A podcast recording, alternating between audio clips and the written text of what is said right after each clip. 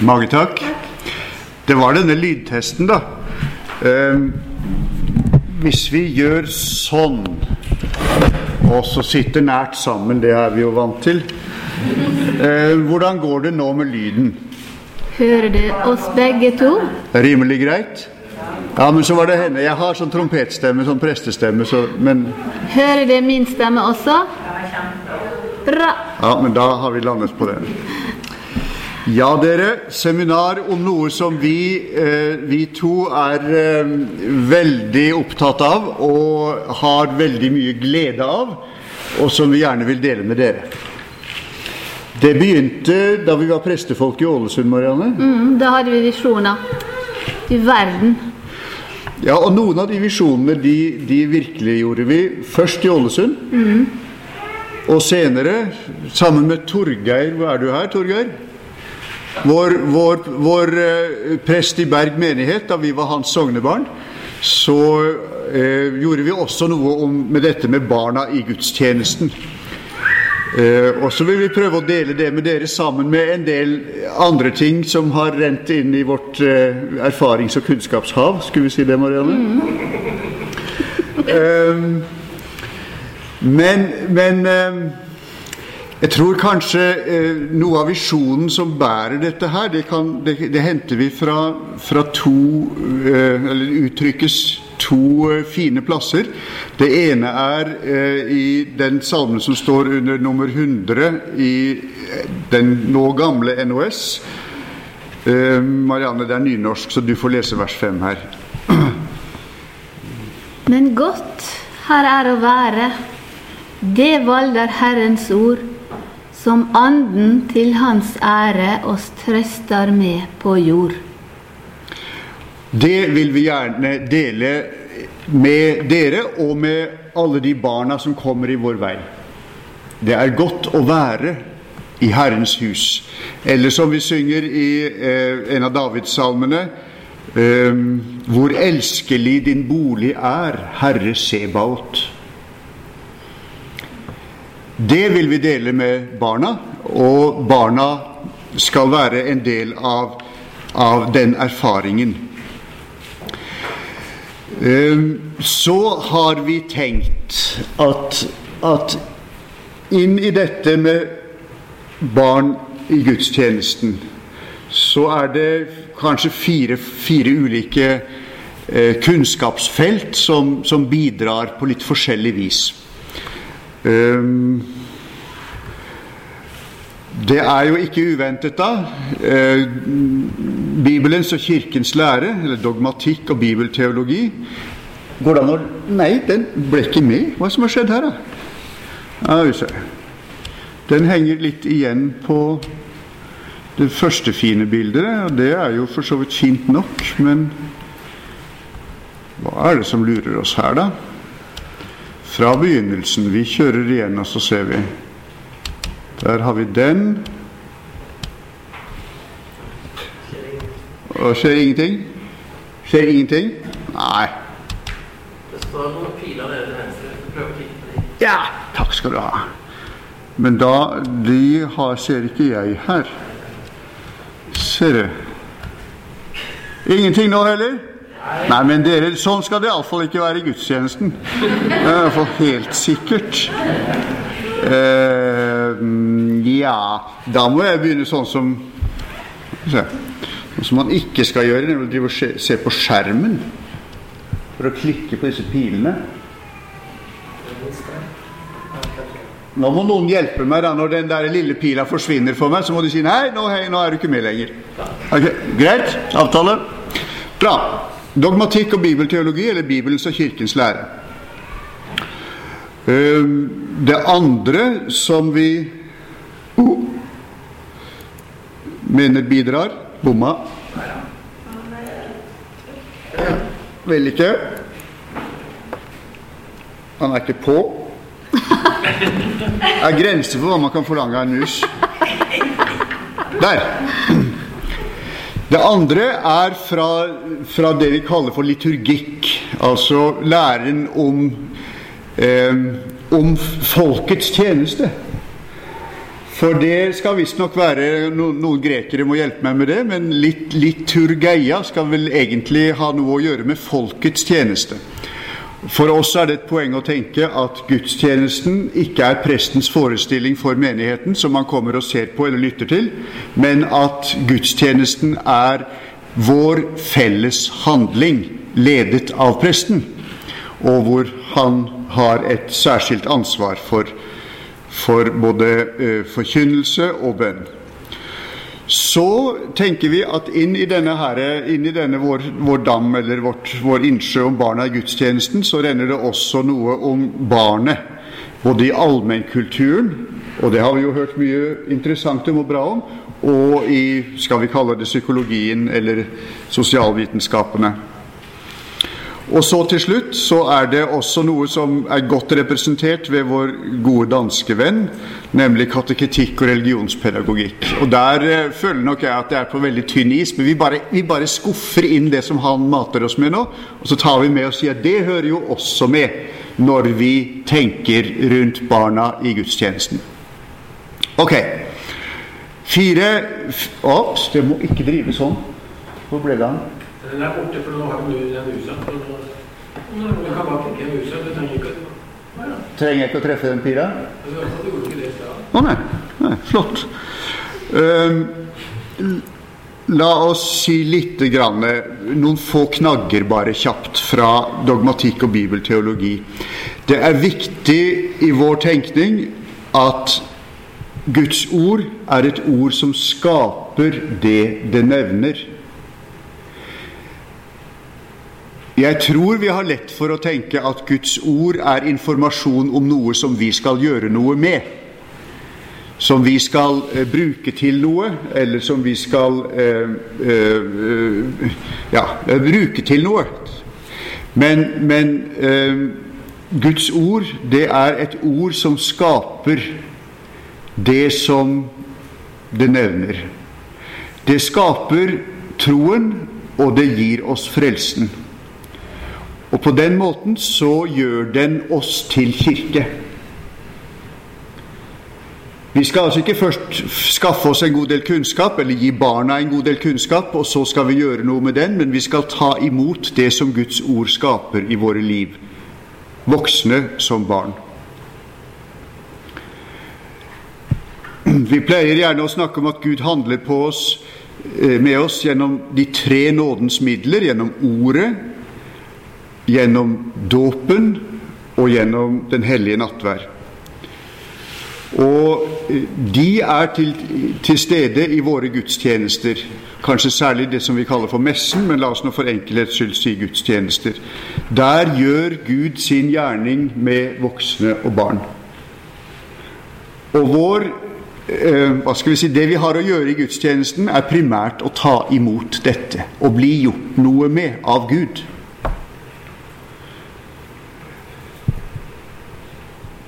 Det Gud gir oss gjennom nådens midler, det er troen, og med den frelsen. Troen sier vi gjerne består av to deler, nemlig tillit og kunnskap. Og vi vil jo gjerne systematisere og, og, og sånt, vi, særlig vi teologer. Hvis vi skal vekte disse to, så er tilliten på en måte kjernen i troen. Tilliten til Guds nåde i Kristus. Det er eh, dette med eh, at tilliten er kjernen, det gjør også at kunnskapen får sin rette plass. Ikke som det viktigste, ikke som det barnet skal få for å gjøre noe med, men som eh, et skjelett for denne tilliten som Gud skaper gjennom sitt ord og sine sakramenter. Det har Knut sagt mer presist og veldig bra i, i dag tidlig, syns jeg. Nå har jeg flytta på muspila, men vi får se om det går bra. Um, så tar vi med oss at eh, en del av Paulus' undervisning om livet i menigheten er, er dette med søskenkjærligheten. Elsk hverandre inderlig som søsken. Hvis vi tenker at barnet er en som er gjenfødt ved vann og ånd, så er barnet også et, en av våre trossøsken. Og det å ha barnet med i gudstjenesten, det er å, å ta barnet med i den søskenkjærlighet som er gudstjenestens eh, bindende stoff. Til sist har vi med Jesu klare eh, budskap til oss. Sannelig, sannelig, jeg sier dere, uten at dere vender om og blir som barn, kommer dere ikke inn i himmelriket. Det er altså da slik som også Alf har vært inne på, og med, formulert veldig fint. Barnet er en fullverdig kristen, og vi går inn i gudstjenesten sammen med barnet som eh, kristne søsken. Ny, skal vi se. Ja? Ta-da. Eh, vi har sagt at menigheten mottar ord og sakramentene i gudstjenesten. Nå vil vi føye til at menighetens svar, vårt felles svar, er bekjennelsen. Jeg tror på Gud Fader, Jesus Kristus og Den hellige ånd. Det er bønnen for alle mennesker, som apostelen formaner, også for oss selv og hverandre, og for eh, de ting som Jesus har prioritert for oss gjennom Fader våre. Og det er lovsangen til Gud eh, på mange ulike måter. Og så vil vi føye til at menigheten vi mottar også velsignelsen, ikke som et fromt ønske, men igjen som et skapende ord over våre liv. Det vil være, kan legges som et slags riss for den gudstjenesteforståelsen som vi, som vi, legger til grunn, eller som vi gjør bruk av når vi tenker om barn i, i gudstjenesten. Og så tror jeg vi kan si noen ganske få ting om at gudstjenesten, og messen da særlig, foregår i et rom som har en geografi. Rommets geografi er slik at sentralpunktet er alteret. Det er symbolet på Guds nærvær, og det er også Herrens bord, bordet som bærer det sakrament Jesus innstiftet den natta han ble forrådt. Um, fram til alteret går det i de fleste kirker en vei, uh, gjerne i form av en midtgang, og den kan vi bruke som troens vei mot rommets sentrum. Så har vi Prekestolen, som er proklamasjonsstedet for Guds ord, det skapende ord, sammen med lesepulten hvor teksten blir lest, og døpefonten, hvor, mennesker, hvor mennesker store og små, utsettes for Guds skapende ord sammen med vann, slik at det fødes på ny, som Knut fortalte oss så tydelig. Ja. Eh, barn som kommer inn i en kirke eller i et eh, kapell, de fornemmer ganske fort at dette er noe spesielt. Eh, han treåringen vår som skulle prøve oss ut på alle kanter, han sprang og skulle gjemme seg. Gjemme seg. Vekk, vekk, vekk. Farmor finner ikke meg. I huset vårt. I huset vårt. Og vi har et lite kapell der i underetasjen. Og han uh, for overalt. Og så plutselig så satt han inne på kapellet. Helt stille og rolig med folda hender. Så når farmor kom inn der, litt oppkava, da, så sa han 'Synge Jesus'. Det var det. Det forsto han. Altså, det var helt tydelig at nå var han i en annen modus. Nå var han inne i kapellet. Nå var det noe annet. Og det at barna da blir tatt med inn i gudstjenesten og får vite at alteret Nei, eh, alteret, det er Guds plass. Det er det helligste i rommet. Det gjør at hvis vi som voksne tillater deg å få kjenne på det, så er det en veldig, veldig viktig erfaring som åpner opp for en erfaring hos, hos barn som, som, går utover det vi egentlig forstår sånn med det samme.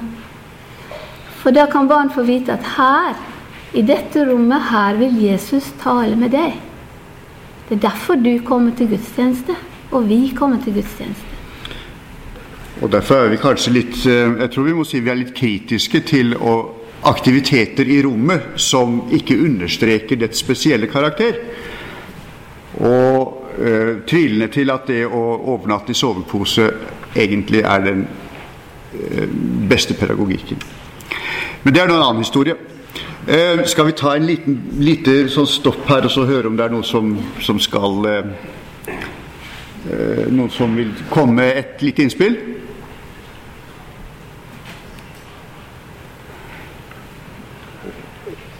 Dette er seminar, og det blir veldig dumt hvis det, blir, hvis det blir foredrag, da.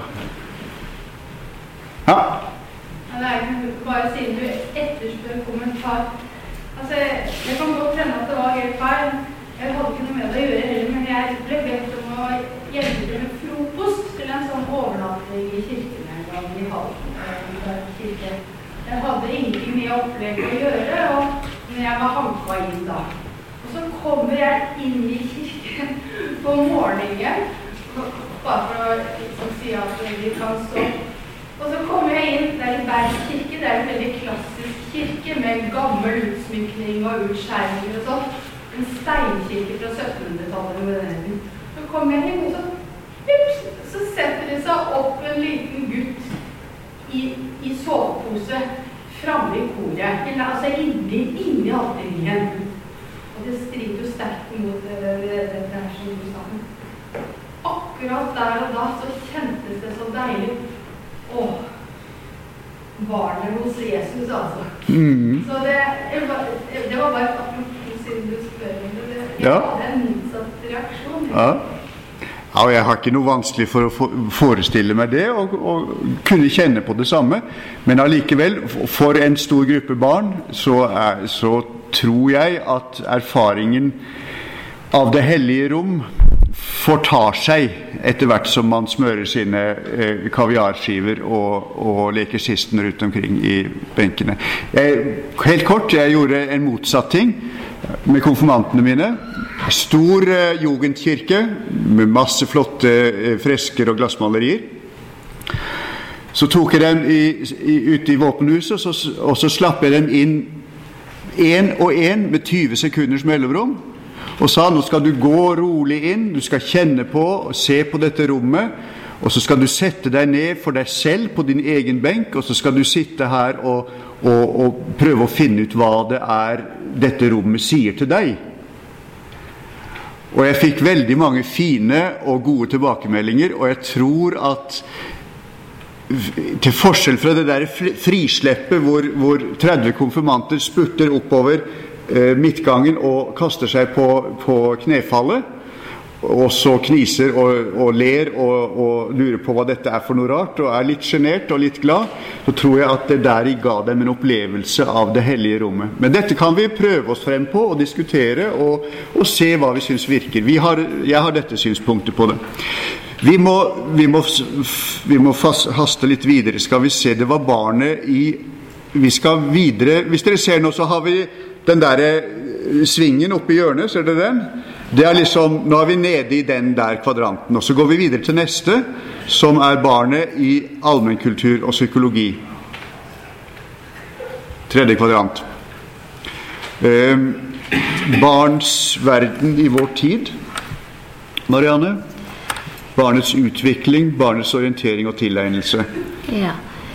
Eh, vi har jo hørt eh, en god del om eh, dette med barnet i allmennkulturen og, og sånn, etter det Alf snakka om i dag, da. Og det er jo slik at de barna vi møter, er dagens barn. Eh, og det er skjedd en del ting her som gjør at barns verden er vanskeligere enn den var for mange år siden. Eller for noen år siden. Det har med, med familiesituasjonen Det er nye familieformer. Det er eh, eh, mamma sin eks og pappa sin eks og min stemor og min stebror. Og det er skilte foreldre, aleneforeldre og med stesøsken. Det har aldri vært så mange forskjellige former for familieliv som det er i dag, visstnok. Færre barn lever med gifte foreldre, og det er færre kjernefamilier overhodet. Og i, ute i det barnas verden og i vår tid, så er det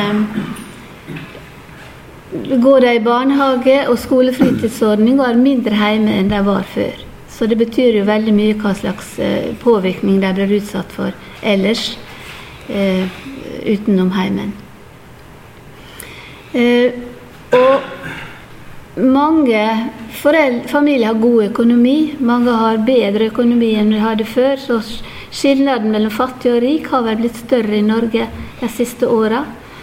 Og de barna som da ikke har penger nok til å gå i alle bursdagsselskap, for det finnes det faktisk, de har det ikke så godt. Det er mange barn som lever i fattige familier faktisk i Norge i dag. Og det ser vi jo nå, f.eks. Eh, dette med ferie og sånt. Det er ikke alle familier som har råd til ferie. Og de skammer seg veldig over det. Og Røde Kors og andre veldedige organisasjoner lager sommerferie for barn for at også disse, disse barna skal få oppleve noe som er annerledes i ferien.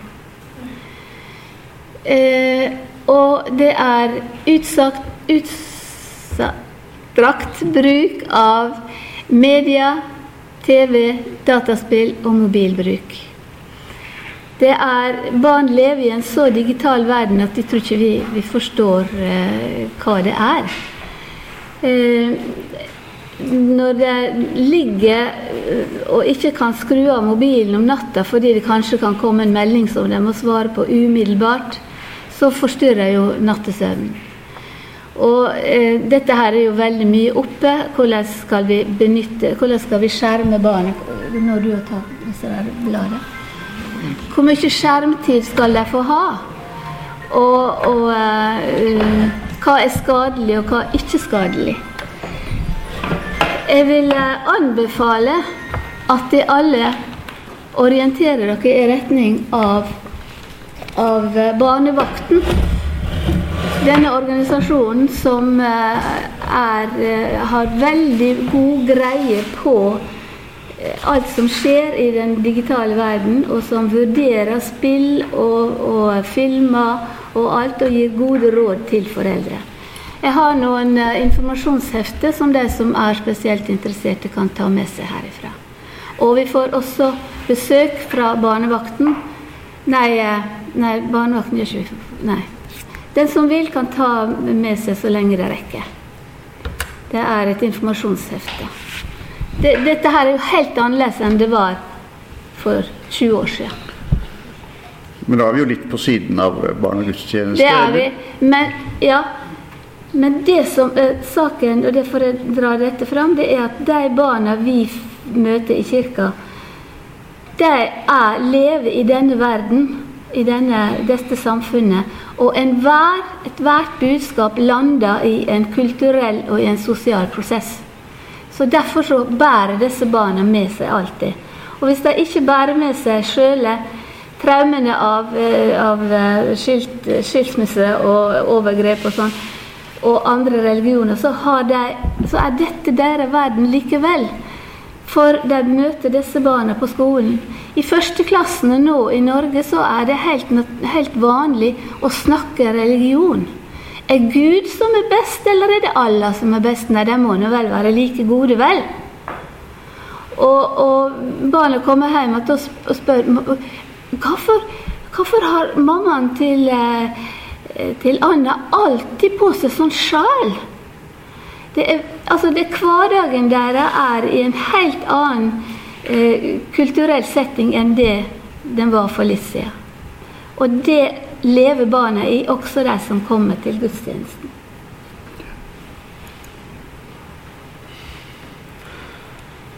Ett av fem barn fra, 11, fra 8 til 11 år føler seg ensomme. Ofte eller av og til. Veldig, veldig mange. Én av tre ungdommer sliter med ensomhet. Hver dag går 40 000 barn hjemmefra og er redde for å bli mobba på skolen. Barn og unge lever under et konstant press om å lykkes, og føler skam for ikke å gjøre det. Så, så vi har en utfordring i å møte disse barna der de er. Det er litt av poenget med å snakke om dette her. Og det er for få som får hjelp både på barnevernet og i, i barne- og ungdomspsykiatrien.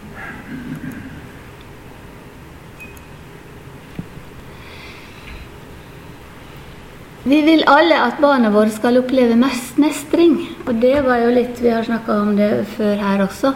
De er prinser og prinsesser, ja. Det er de, men alle er sårbare. Som du ser der i uh, Viser du pilla der? Ja, kan du Det er til, uh, til venstre der. Safe haven. Det er den trygge havnen som barna går ut ifra. Så må de ut i verden og oppleve hva dette er for noe. Og de har jo en, en giv i seg til å oppdage dette. her. Vi har to barn her som, nesten, som er rundt om ett år. Og jeg har møtt mødrene ute her med hver sitt barn. Og barna vrenger seg utover. og vil, de vil ut, de vil se, de er nysgjerrige, de vil finne ut. Og heldigvis så gjør de det. Men det kan bli litt eh, vanskelig. Eh, så de må eh, Disse utfordringene må de tilbake igjen til den trygge havna. De må bli Der. Nei, nei. Nå vil vi se. Det er ikke greit, gitt. Da, også sånn. Ja, De må tilbake til den trygge havna for å få ny tillit til seg sjøl, at de kan gå ut igjen. Og sånn går denne sirkelen. Sånn er eh, trygghetssirkelen både for barn og voksne. Og slik er egentlig trygghetssirkelen for oss som Guds barn også. For vi må tilbake til, til eh, havna, til, til gudstjenesten, og få næring og få trøst og få oppmuntring til å gå videre.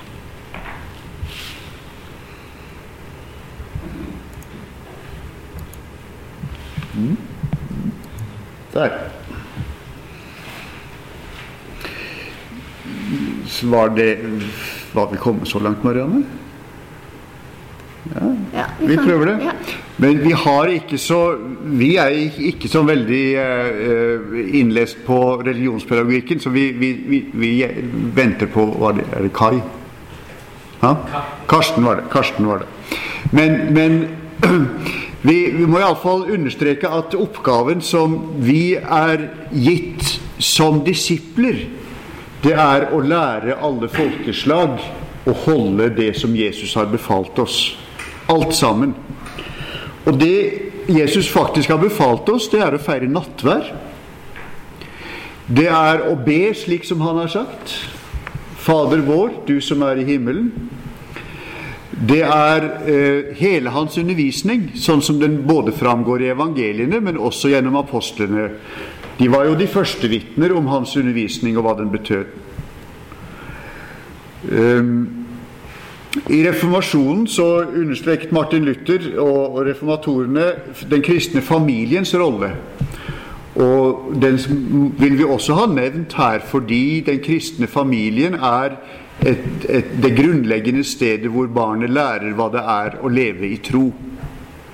Men den kristne familien hører altså også hjemme i gudstjenesten. Fordi alle i den kristne familien er Guds barn, og ikke bare foreldre og barn, men også søsken i troen.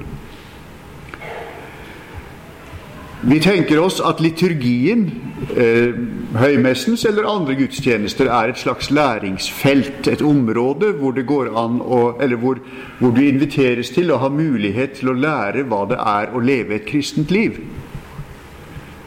Og da først og fremst hva det er å leve under Guds ord, som skaper det det nevner, og som gir meg alt jeg trenger. Um, og så kommer i, i tillegg til det, eller som en, en, eh, hva skal jeg si, en, en avdeling av det, dette læringsfeltet, også kirkeskolen eller søndagsskolen. Men jeg tror nok at vi tenderer mot å mene at Eller ikke bare det. Vi, vi syns at eh, den felles gudstjenesten for alle generasjoner skal være det primære området. Og så kan eh, de andre læringstiltakene tilordnes det som supplementer.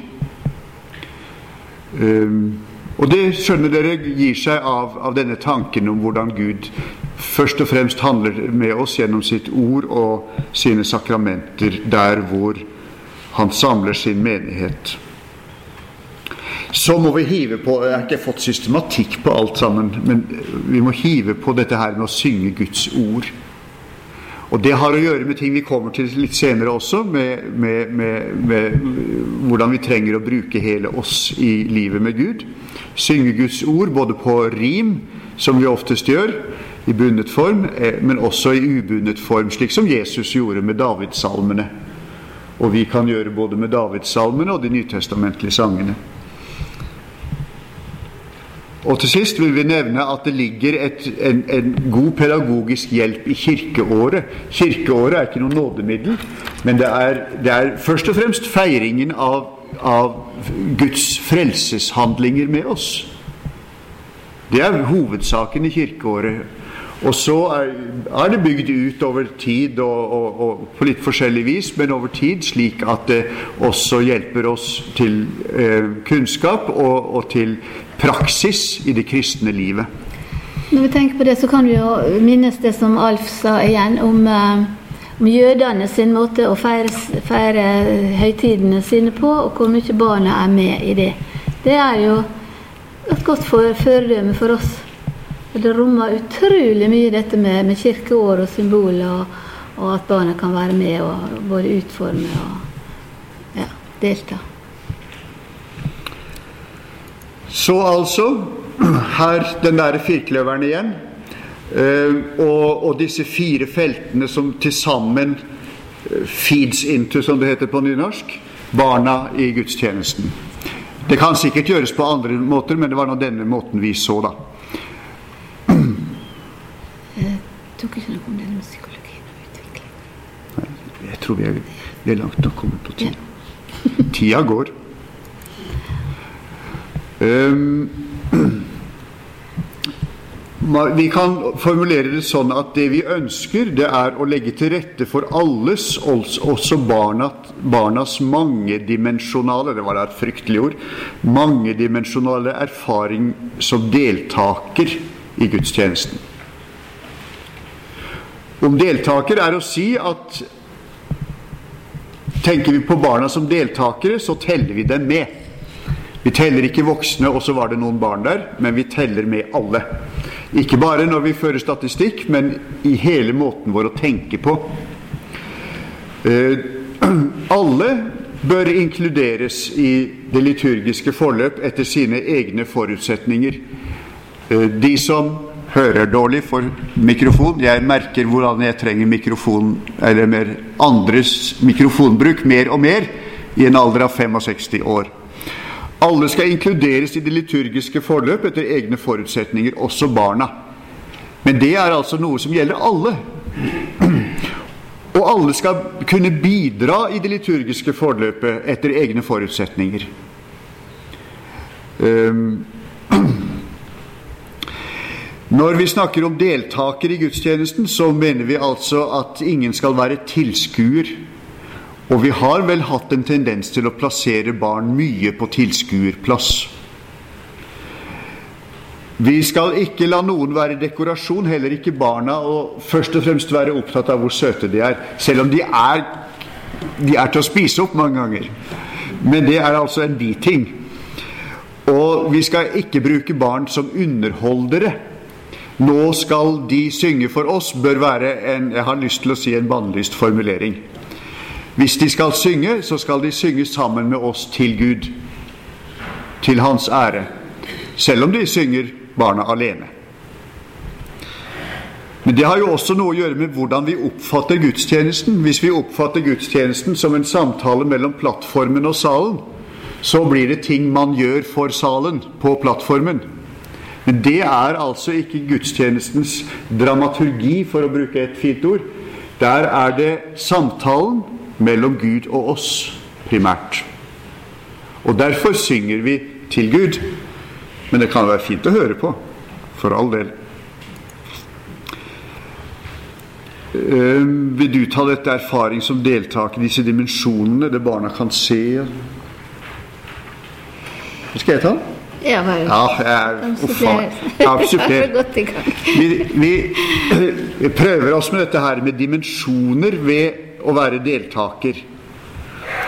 Og, og så tenker vi hvordan er det når vi er i, en, i det hele tatt sammen med noen og, og felles, men også i gudstjenesten? Jo, det er det barnet kan se, på samme måte som det er det du kan se. Nå må du knekke nakken for å se opp under taket, men altså Det man kan se, det man kan høre, det man kan lukte og smake, og lukten er jo faktisk en av de tingene som bærer minne for oss helt suverent best. Lukten av bedehuset. Ja. Hvilken lukt er det i kirken? Er det noen rester etter noen som har brukt røkelse, til og med? Ja, ja. Eh, Lukt og smak. Berøring. Og bevegelse. Jeg har lyst til å si noe bare her. Eh, Det er anerkjent i våre dager at en lærer mest ved å delta og være, være deltaker. Det går an å dele opp eh, læring i f.eks. tre slags orden. Det ene er pugging. Det er greit, det er viktig. Det andre er neste nivå er problemløsning. Da har en tatt til seg det som spørsmålsstillinga og, og driver med problemløsning. Og det tredje orden av læring, det er, det er å, å reflektere og finne ut nye ting. Hva er det du kan gå videre med om dette? Altså mer og mer være deltaker i et eller annet. Og det, det er jo det som skaper mest forandring, da. Pugging eh, er godt i sitt bruk, men, men det å delta og det å fornemme ting med flest mulig sanser, det gir, gir best læring. Det er liksom noe av eh, det vi tenker i, i dag om det. Og det er jo slik at legen kan veldig mye om både det ene og det andre, og om operasjoner, men han må jo operere for å kunne bli en dyktig lege. Kokken kan lage oppskrifter, men han må jo lage maten. Vi må jo se hva det er. Må jo gjøre noe og involvere seg for at det skal skape noe som virkelig betyr noe. Derfor er det viktig å være deltaker i gudstjenesten og i Guds familie. Hva gir også kilder til erfaring og kilder til læring når, du, når vi er samlet til gudstjeneste? Jo, det er rommet. Og her snakker vi faktisk om arkitektur og inventar og, og lys. Dette rommet har sin arkitektur. Det, er, det, det har markører som gjør det til et langstrakt rom, og egner seg jo da for vandringen. Ikke sant? Som Sånn kirkerom, Dette er ikke noe kirkerom, men hadde det vært et kirkerom, så ville alteret vært unnselig og nesten mørklagt. Lys og arkitektur. Fordi lyset er bak. Fordi lyset er bak, og fordi det ikke er noe som faller ned, og fordi alteret er lite Unnskyld, jeg snudde meg vekk. Fordi er, eller det bordet er lite, og det er mange ting. Men arkitektur, innredning, lys, alle sånne ting spiller inn i, i det som du persiperer, det som du oppfatter, det som går inn i dine sanser, og blir en del av din deltakelse. Relasjon til de andre hvis det du stort sett ser er rygger, så blir det helt annerledes enn hvis du har øyekontakt. Eh, For å nevne én ting. Relasjoner, musikk, det vi synger. Der er vi på salmene igjen, og jeg er Å! Alt, jeg sier som kona som holdt salmeboka opp og bladde og bladde, så sa hun Å, du og du, alt som skulle vært sunget. Um, også, også instrumentalmusikken har sin del av denne helheten. Um, så er det bildene. Vi er jo vant til å ha alt, et stort alterbilde, kanskje av Jesus som eh, rekker ut hendene, eller, eller oppstandelsen, eller en av de andre store frelsesbegivenhetene. Eh, Jeg nevnte Jugendkirken jeg tjenestegjorde i en gang, hvor alle veggene var fylt av, av fresker og, og, og, og glassmalerier i, i vinduene. Bildene taler til en annen del av vår eh, av vårt sinn og av vår forståelse enn det verbale. Og er veldig nyttig for barn, for barn ser tegninger og bilder på en mer opplevende måte kanskje enn vi. De forstår ikke alltid alle ordene, men de forstår ofte bilder. Så obs, obs, bilder. Um, tale, tiltale, som nå, og omtale. Egentale, at jeg sier noe Nå er det jo bare noen få som har sagt noe her, bortsett fra oss to. At du selv snakker. Din egen tale er en del av din deltakelse og former den. Derfor er det veldig bra at Den norske kirke har lagt bak seg eh, det som var meningen i 1920-alterboken, nemlig at presten skulle lese trosbekjennelsen, og menigheten bare skulle si amen. Og da fikk jeg lyst på en parentes. Veldig. Tida, tida, sier Marianne. Men det var sånn den gangen. Presten leste trosbekjennelsen, menigheten sa amen. Det er bra at vi alle bekjenner troen høyt og tydelig, og det skal barna være med på så snart de kan. Og, og vi skal føre dem inn i det. Men så har vi da det der forferdelige eh, utviklingen, nemlig at, at, stort sett så er det da presten som har overtatt alle amenene. Det eh, Nordpå, I våre menigheter nordpå så har vi skriftemål i hver gudstjeneste med håndspåleggelse og tilsigelse, og det er, eh, har mye godt for seg.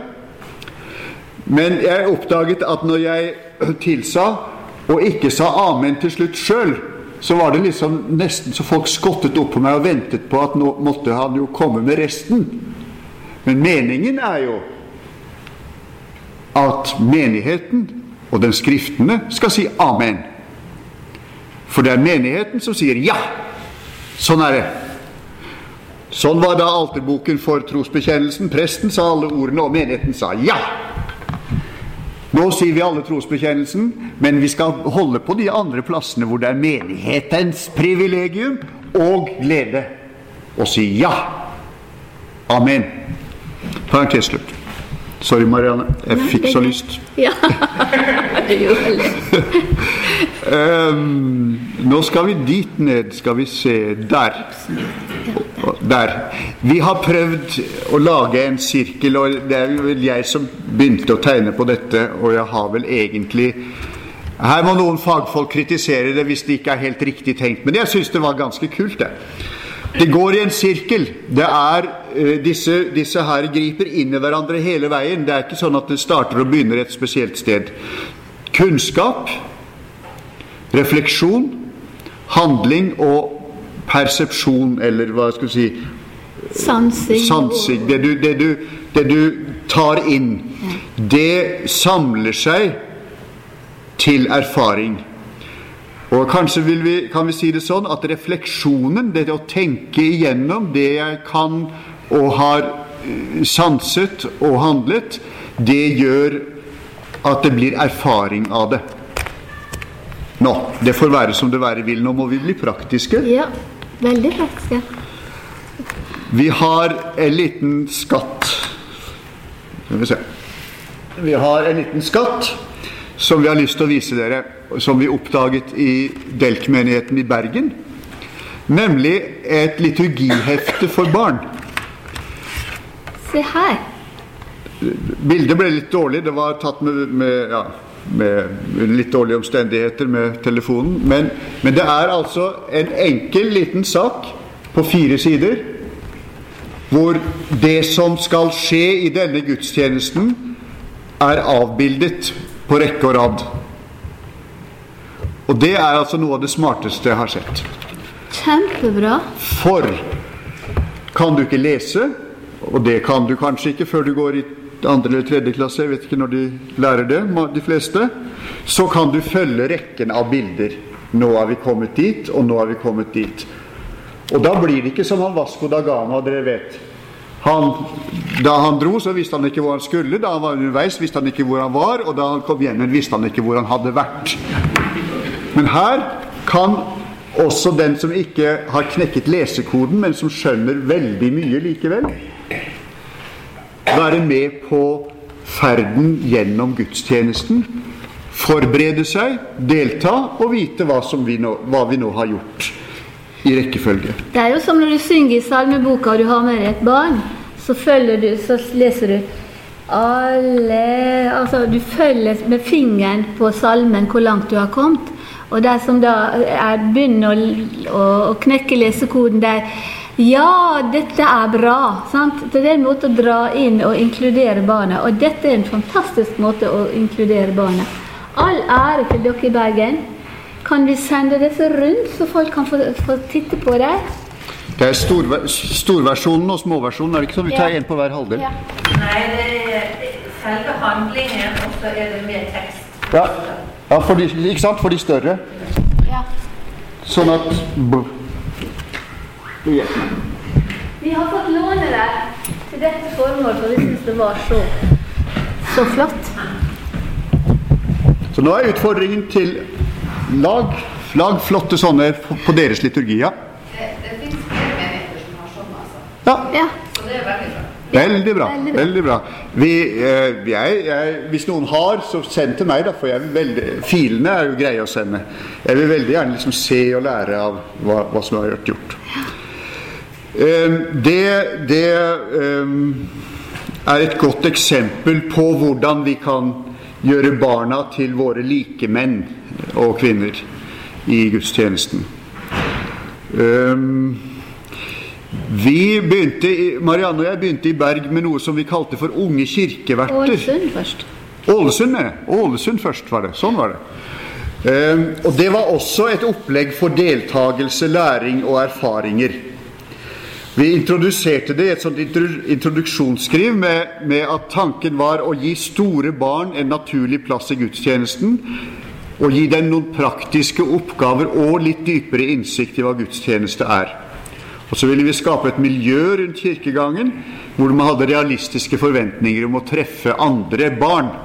Og Det blir jo etter hvert viktigere og viktigere for oss at gudstjenesten også er et sted hvor man treffer barn fra kristne familier, som en av våre barnebarn sa, for vi er en kristen familie. Eh, dere ser at eh, vi nok har utviklet tenkningen litt etter dette her, men det var sånn som vi introduserte det den gangen. Eh, vi ville at de skulle lære kirken og gudstjenesterommet å kjenne. At de skulle lære liturgien å kjenne. Men gjennom dette at de skulle lære Guds frelsesgjerninger i Jesus å kjenne. Og så, som en del av det kristne livet, at de skulle lære å tjene de andre i menigheten, sånn som vi alle skal tjene hverandre i Guds kirke. Eh, Vi tenkte også at det gikk an på denne måten, gjennom denne lille klubben, å utvikle en det skal kalle det, kalle det på fint identitet som lekliturg. Altså det er at du har noe der å gjøre, og at du faktisk har en oppgave som er din, og som er en del av helheten. Og så er det noe med å utvikle identitet som kristent barn gjennom gruppefellesskapet. Det var vi også inne på i sted. Dette var et, det var et ganske enkelt lite opplegg, men vi syns det funka rimelig bra. Va? Vi, vi, vi, vi eh, sendte ut et sånt, Vi laget et sånt planleggingsskjema hvor, hvor vi satte opp hvilke barn som skulle ha tjeneste når. Sant? Enkel administrativ greie. Eh, Etter at vi hadde innhentet, innhentet fra foreldrene hvilke søndager kommer deres barn i kirken. ikke sant? Sånn. Det, bare sende ut et sånt lite skjema til å krysse på eller ringe, sette ringer på. Og så hadde vi et, en oversikt over oppgavene. Og her har, du, har dere Andreas sitt oppgavekort, datoen for disse oppgavene. Og så var eh, utover våren, ikke sant. Da, 1. 1. februar og 8. februar og 25. når han skulle. Og henge salmenummer, kontrollere salmetavla, dekke alterring. Han skulle ikke ha alt sammen, men hvis de hadde, hadde noe tre stykker i tjeneste, så fordelte vi. Så ga vi dem hver sitt kort, og så visste de hva de skulle gjøre i dag. Dette er mine oppgaver. Um,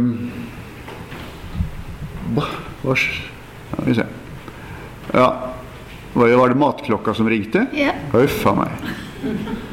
Men det har vi ikke. Da må vi bare gå videre og si at det var litt mer til rundt det, som dere kan føre med oss om etterpå. Eh, og siden matklokka ringte, så kan vi jo heller ikke hent, bruke tid på å hente inn forslag, men vi kan Hvordan går vi tilbake her, da? Bare Det var noen barn som ringte den klokka, så jeg vet ikke om det var noen barn som bidro med å ringe litt i klokka, ja. Ja, det var er vil noe her. Ja, det er flott. Åssen er det med tida vår på voksenmåten, da? 1830 står middag i programmet.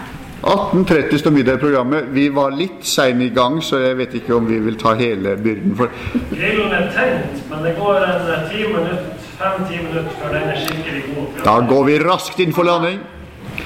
Jeg hopper over interaksjonen som jeg hadde planlagt med auditoriet, og eh, bare lister opp flere ideer, bare for å så dem, da, siden det er seminar. Eh, flere steder der barn kan delta. Som ringer, som vi nettopp hørte. I inngangs- og utgangsprosesjonen. Fordi det er festlig å gå i tog? Ja, ja, ja. Hvorfor ikke leke i liturgien? Men fordi dette også er eh, et symbol på vår vandring mot fullendelsen. Eh, Og der er det mange plasser i prosesjonen. Alt man kan finne på. Mye å bære inn blomster og, og krusifiks og lys og bibel og you name it. Så er det under, som bønneleder under klokkebønnen. Så er det under utvidet lovsang. Vi liker iallfall eh, Timotius-messene å synge litt mer enn bare, bare den aller korteste strofen. Og da er det jo kvinner og menn og, som synger til hverandre og menigheten, og her er det god plass for barn. Ikke, ikke noe vanskelig å lære det, det er bare korte strofer. Og barn er jo Hva kan de for sanger? Det er jo helt vanvittig. Um, andre sanger, mener jeg. Um, som tekstleser til epistelen burde kunne være en mulighet, iallfall for de store barna, hvis de får god trening og veiledning. Det er viktig. Også for voksne tekstlesere, for all del. Trening og veiledning på tekstlesning det er en sånn oppgave for noen som steller med gudstjeneste. Um, som bønneleder under kirkebønnen kanskje noen vil tenke på. Det er ikke sånn at presten alltid, tenker jeg iallfall, må be hele kirkebønnen alene. Og noen liturgier har, har plasser hvor diakonen skal være med å be, og jeg tenker at en lek bønneleder også kan ha sine deler av denne bønnen. Og er det for barn og barns vilkår eller barns behov eller sånt, så, så kunne det være noe å reflektere over og forkaste eller bruke ettersom man syns. Til å bære fram brød og vin til nattverdfeiringen. Til å samle inn nattverdbegrene. eh, Det er en sånn, er en sånn litt spennende, ryddig jobb, har oppdaget vi. Barna syntes det var fint å, å ha, eh, ha litt ansvar for dette. Og til å være med etterpå og telle ofre. Disse kommer i tillegg da til disse som vi nevnte eh, under UKV-opplegget vårt. Det er mange måter vi handler sammen. Vi gjør noe sammen i noe så fint som en gudstjeneste. Og vi, kan, vi, vi, vi får bare sette oss ned og snakke sammen og tenke hvor er det riktig og naturlig, og ikke for meget og ikke feil, men, men, men en god ting å ta barn i forskjellige aldre med i det som er vår felles feiring av frels, Guds frelse til barn og voksne. Oppsummerende Kirken er Kristi legeme samlet om ordet og sakramentene i gudstjenesten. Og barna er fullverdige lemmer på legemet. Det er på en måte bunnplanken i denne tenkningen. I kirken gir Gud voksne og barn frelsens gaver gjennom nådens midler. Og der svarer voksne og barn sammen med bekjennelse, takkoffer og bønn. Vi er Guds barn sammen, og vi er det med Jesu ord klingende i våre ører. Sannelig, jeg sier dere, uten at dere vender om og blir som barn, kommer dere ikke inn i himmelriket. Det er godt for barn å få en bekreftelse på at nå har jeg en rolle. Så vi lager noen sånne eh, navnelapper, eller det går an å lage, lage bånd rundt armen, eller noe som, som gjør at også de som ikke er vant til dette her, ser at å ja, er du UKV, altså er du ung kirkevert? Det var det vi kalte det. Trenger ikke å være det, men et eller annet som viser at dette barnet har en rolle. Og da løfter jeg blikket og Ja, det skal jeg ta. Det er, eh, slår ikke feil, det stort, stort sett. Så, så noe sånt det er også en idé til inn i dette opplegget her, da. Men nå må vi, skal vi vel kanskje spise? Ja, nå skal vi kanskje